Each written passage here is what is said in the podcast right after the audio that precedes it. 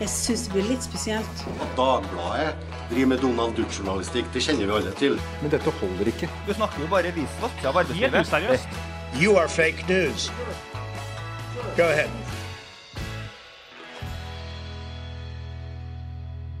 Nå kommer vi med en ny råfersk eh, pod. Vi skal snakke om eh, thrilleren i europavalget i, i går. Eh, det gikk eh, både bra og dårlig sett fra vårt ståsted, men vi skal ha en ekspert her. Eh, altså, Ola, du er jo ekspert på EU egentlig. Du har vel doktorgrad i europastudier, har du ikke det? Nei, altså jeg er jo in ingen ekspert og ingen, jeg har ingen doktorgrad. Jeg har en bachelorgrad i europastudier. Eh, og er satt til å administrere innenrikspolitiske spørsmål her i Dagbladet, så det er, det, er, det er, bra vi har fått noen andre i studio i dag, tenker jeg. Vi har med, vi har med en utenfra som, eh, som, har peiling på det som skjedde. Aksel Fjelldavli, kommentator i Agenda. Eh, hva er eh, de store overskriftene etter valget i går? Altså, Én stor overskrift er jo at uh, valgdeltakelsen er betydelig opp, egentlig. Uh, over 50 uh, den gangen her. det tror jeg handla om at dette var litt et annerledes valg i EU. fordi valget var litt politisert da, på en annen måte enn tidligere. gjennom Europaparlamentet sin historie så har det jo stort sett vært de to store partiene, altså tilsvarende Arbeiderpartiet og Høyre i Norge, som har styrt sammen. Uh, mens den gangen her eh, så så det ut til at høyrepopulistene, eh, eller kall det ytre høyre, da, fikk muligheter til å få mer makt. Og det førte til en mobilisering gjennom valgkampen på begge sider, egentlig. Og det ble et, en, en reell debatt da, om retninga for EU, kanskje på en litt annen måte enn tidligere. Og det tror jeg har bidratt til at folk eh, gikk for å stemme, da. For det sto noen ting på spill, liksom. Folk våknet jo opp eh, i dag morges til at eh, Silvani Eh, Nigel Farage og Le Pen var størst i sine respektive land, altså Italia, Storbritannia og Frankrike. Så dermed så tror man jo at det er en flodbølge av høyrepopulisme og nasjonalisme som har feid inn i EU-parlamentet. Men det er ikke helt uh, riktig bilde. Nei, jeg, jeg, jeg, ville kanskje heller beskrevet det som en fragmentering. Fordi høyrepopulistene tross alt uh, gjorde det ikke så bra i dette valget. De gikk tilbake i en god del land litt fram i noen land. Og eh, de eneste landene de gikk betydelig fram fra forrige valg, var egentlig Belgia og Slovakia. Eh, sånn at det, det, er liksom ikke den flodbølgen som på en måte vi har blitt vant til at er narrativet. Eh, hvis jeg skulle pekt på en veldig tydelig forandring fra forrige gang, så ville jeg kanskje heller pekt på de grønne, som vokser en, en, god del, spesielt i store land som Tyskland og, og Frankrike. da. Tyskland gjorde jo brakvalg, eh, virkelig. Mm. Og det er kanskje de som husker så langt tilbake, så var det jo der de grønne liksom først gjorde seg bemerket, og nå er de svære igjen. Mm. Og de representerer jo på mange måter eh, Altså, de har, de har, trukket velgere fra overalt, men de er, den veksten til De grønne er nok også i betydelig grad et resultat av at SPD, altså det sosialdemokratiske partiet i Tyskland, eh, gjør det svært dårlig. Og De Grønne er jo positive til EU. Mm, de, ja, det må absolutt. understrekes. Uh, og den andre påfallende er jo at uh, liberale partier, altså Macrons parti, gjorde det jo bra i De ble riktignok ikke størst, men, men, ganske bra. De er jo et relativt nytt parti også. Og Libdem i Storbritannia gjorde det overraskende bra. Mm. Mens de konservative i Storbritannia gjorde det helt forferdelig, nede på 8 eller noe sånt. Da.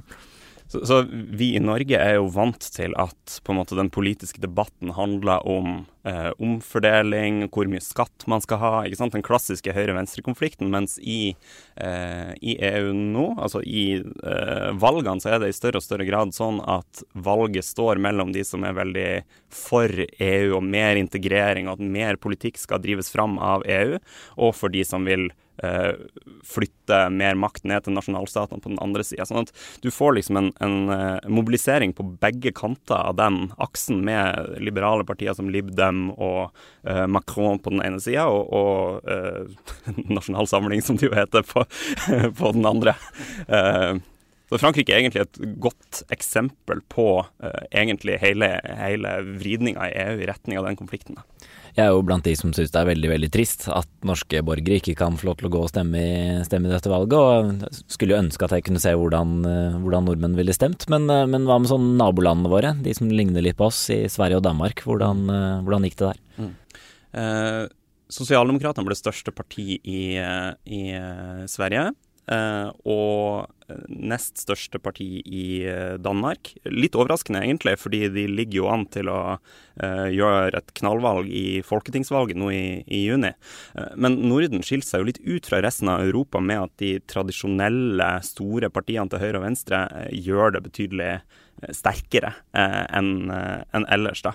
Så eh, det er liksom Men Dansk Folkeparti er nå Ja, det er nok den store overskrifta, ja, hvis jeg skulle trukket fram noe fra Skandinavia. De ja. Jeg hørte på, hørte på, Karsten Jensen i, i, helgen, han var jo på Lillehammer, den danske forfatteren. Og han, han sa danskene er møkk lei av Dansk Folkeparti, og dessuten har sosialdemokratene tatt over innvandringspolitikken deres. ja, det, nok, eh, det, ligger nok mye der. Eh, at alle de andre partiene, eller ikke alle, men alle de store partiene i Danmark har lagt seg veldig tett opp til Dansk Folkeparti, spesielt i eh, innvandrings- og justispolitikken. Og da blir det jo litt sånn hvorfor skal man stemme på Dansk Folkeparti hvis de andre har men, men, hva blir resultatet av dette her? Nå vet vi jo Har så vidt fått inn liksom stemmetallene, men, men hva slags konstellasjon er det som nå skal, skal regjere i EU? Mm. Ja, kan du forklare litt altså, da, om institusjonene, ja, bare sånn enkelt? Er, hva er EU-parlamentet? Hva er ja. det de bestemmer? altså, for å si det veldig enkelt, så kan du si at EU har to storting som styrer sammen. Eh, du har Europaparlamentet, som er eh, politikere som blir valgt i eh, dette valget som, som var nå, nå, i helga, fra, fra, ulike partier, ikke sant. Og så har du Rådet, som er det andre lovgivende organet i EU, som består av statsministrene i medlemslandene. Sånn at uansett resultat i europaparlamentsvalget, så vil jo Rådet fortsatt være de samme statsministrene som før. Men eh, en konsekvens av dette er jo at eh, Altså dette valgresultatet, eh, det er jo at sosialdemokratene og de konservative, altså kall det Høyre der, liksom, de vil i mindre grad kunne få gjennom politikk sammen. Så de vil i større grad måtte samarbeide fra sak til sak i Europaparlamentet. Og sannsynligvis vil parlamentet stå litt svakere vis-à-vis -vis rådet. Eh, som består av statslederne. Så, så stats... Fordi det er blitt mer fragmentert? Ja, ikke sant. Så de har ikke den makta til å Altså, De kan ikke sette makt bak kravene på samme, samme måte som, eh, så, så, de første kommentarene var særlig fra konservative, selvfølgelig, som har tapt stort, særlig i Storbritannia, at, uh, at nå må vi stå sammen mot høyrepopulistene mm. populistene og nasjonalistene. Tror du det kommer til å skje? At det kommer tross alt til å gjøre at disse konstellasjonene, de grønne, de liberale og de mm. eh, sosialdemokratiske og konservative, står sammen? Ja, jeg, jeg tror det vil være eh, umulig for uh, eh, EPP, altså det, den konservative gruppa, å holde sammen hvis de i betydelig grad skulle uh, samarbeide med de som ligger til høyre for dem. Sånn at det vil være en eller annen form for konstellasjon rundt sentrum, mest sannsynlig, hvor man vil ha de konservative og sosialdemokratene som før, men i tillegg vil Eh, de liberale og de grønne være, være, med, på, være med, på, festen. Da. Eh, og så blir jo det interessante spørsmålet nå blir jo også sammensetninga av den nye kommisjonen, som på en måte blir da regjeringa i, eh, i, EU. Og der har jo Hvem blir den neste presidenten? Ja, Det er et godt spørsmål. Hadde du spurt meg for en måned siden, så hadde jeg sagt det ble Manfred Weber, som er liksom toppkandidaten til det konservative partiet. Han, altså, du hadde ikke fått noe penger hvis du hadde spilt penger på ham for en måned siden. Eh, fordi alle mente at han kom til å, kom til å vinne. Nå er det Eh, litt mer, eh, litt mer usikkert, bl.a. fordi at de liberale gjør det bedre. De liberale og de grønne gjør det bedre. Og eh, de er veldig kritiske til hvordan Manfred Weber har vært egentlig på en måte beskytteren til Fides, altså dette ytre høyrepartiet som styrer i Ungarn, i Europaparlamentet gjennom mange år. Så sannsynligvis må det finnes en mer samlende kommisjonspresident enn Manfred Weber. Og jeg ville tippe Michel Barnier, som er, har vært brexit-forhandler for, for, EU, som nok vil ses på som en slags sånn felleseuropeisk president. Han er også fra det konservative partiet. men så har du jo også Frans Timmermans fra, fra det sosialdemokratiske demokratiske partiet, som særlig hvis, hvis Fides ender opp med å bli kasta ut av den konservative gruppa, kan uh, seile opp som en mulig kandidat. Og så har du jo Margrethe Vestager, som, som jeg har ganske sans for, som er fra det liberale partiet, som har vært som har hatt ansvar for konkurransepolitikk og har vært den som har stått bak disse bøtene mot Facebook og Google og Amazon og sånn, som jo også er et mulig alternativ som kanskje kan være mer sammenhengende enn Weber potensielt. Du, eh, man kan jo si at når man ser på de store tallene, at, eh, at, det fortsatt er et flertall for et sterkt samarbeid i Europa. Men hva er det nasjonalistene og høyrepopulistene håper å oppnå? Er de også eh, f.eks. i stand til å samarbeide om felles mål? Det er et veldig interessant spørsmål, egentlig, fordi eh, høyre, altså ytre høyre har på en måte fått litt mer eh, mot og ambisjoner på vegne av det europeiske prosjektet, fordi at de har eh, sett at de kanskje kan få litt makt. Sånn at i, i eh, Frankrike f.eks. så har jo Le Pen snudd i, i EU-spørsmålet og blitt, blitt mer EU-positive, da.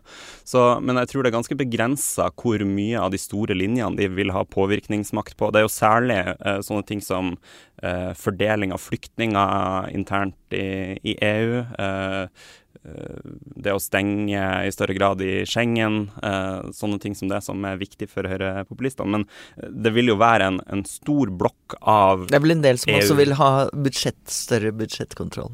Ja, ikke sant. Ja. Så, men, men, det vil fortsatt være en, en, en stor blokk av integrasjons-EU-vennlige partier som, som uh, vil styre i, i, EU. Men kanskje de tingene som går lengst da, i retning av integrasjon, vil være vanskeligere kanskje å, å få gjennom med større høyrepopulister. Så det er liksom ikke den her Trump-bølgen i EU. Det, det, er det ikke. Men, men litt uh, vanskeligere å få gjennom europeisk integrasjon vil det kanskje være. Mm.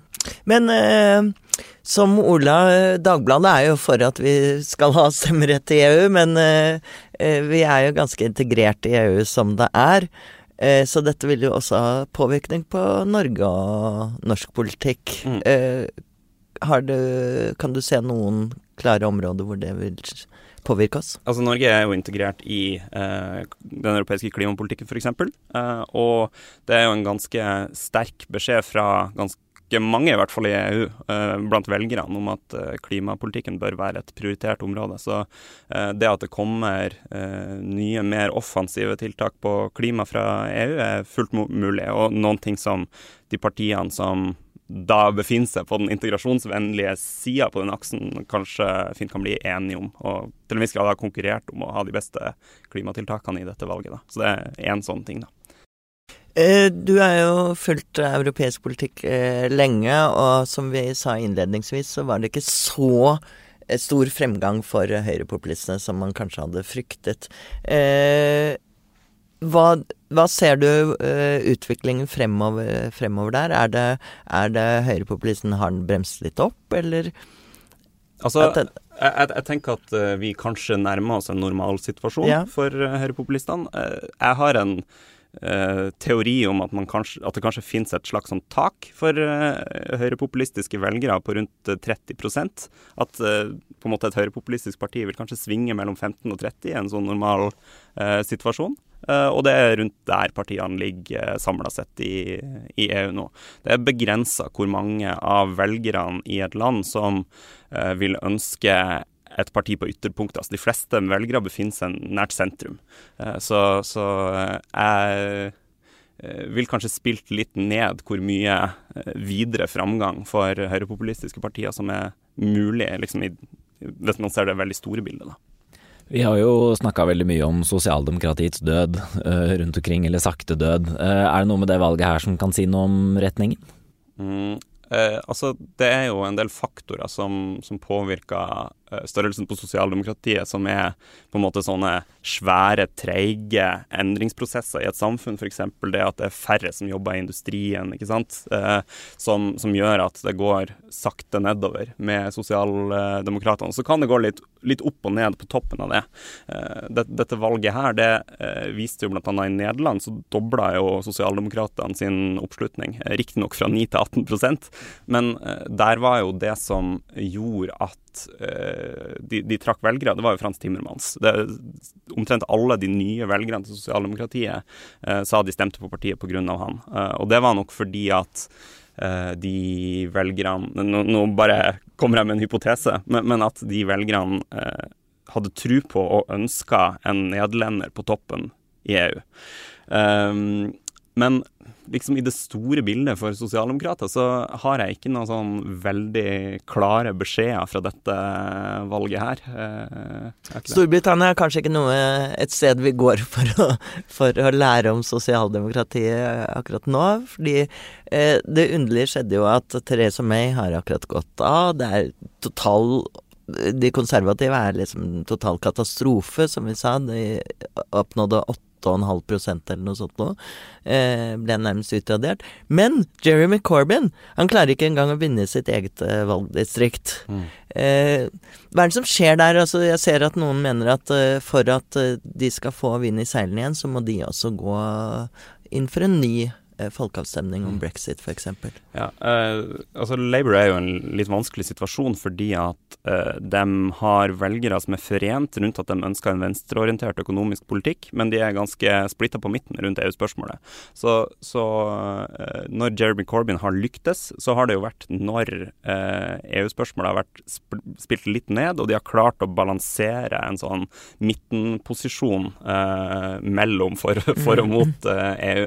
Så i, eh, i, et europavalg så er det veldig vanskelig, fordi det er EU, ikke sant. Eh, så jeg tror nok det er litt et resultat av det, at velgerne i større grad vil ha rene ord for pengene, og går heller til Lib Dem hvis de er for uh, Remain, altså det, det, liberale partiet i Storbritannia, eller dette partiet som til og med heter Brexit Party, hvis de er uh, mot uh, britiske EU-medlemskap. Men skal vi si at uh, slutte på en litt sånn positiv eh, holdning. At, at, eh, det tross alt var bra at så mange var engasjert. Det er første gang siden 1994, tror jeg jeg sjekket, mm. at, at valgdeltakelsen var over 50% Det var jo også et stort EU-år. Særlig her hjemme. Ja, ikke sant? Men Så folk er i hvert fall mer engasjert i EU enn noensinne, og det får vi si er positivt. Takk, Aksel Fjellhavli, for at du kom her og opplyste oss enda mer.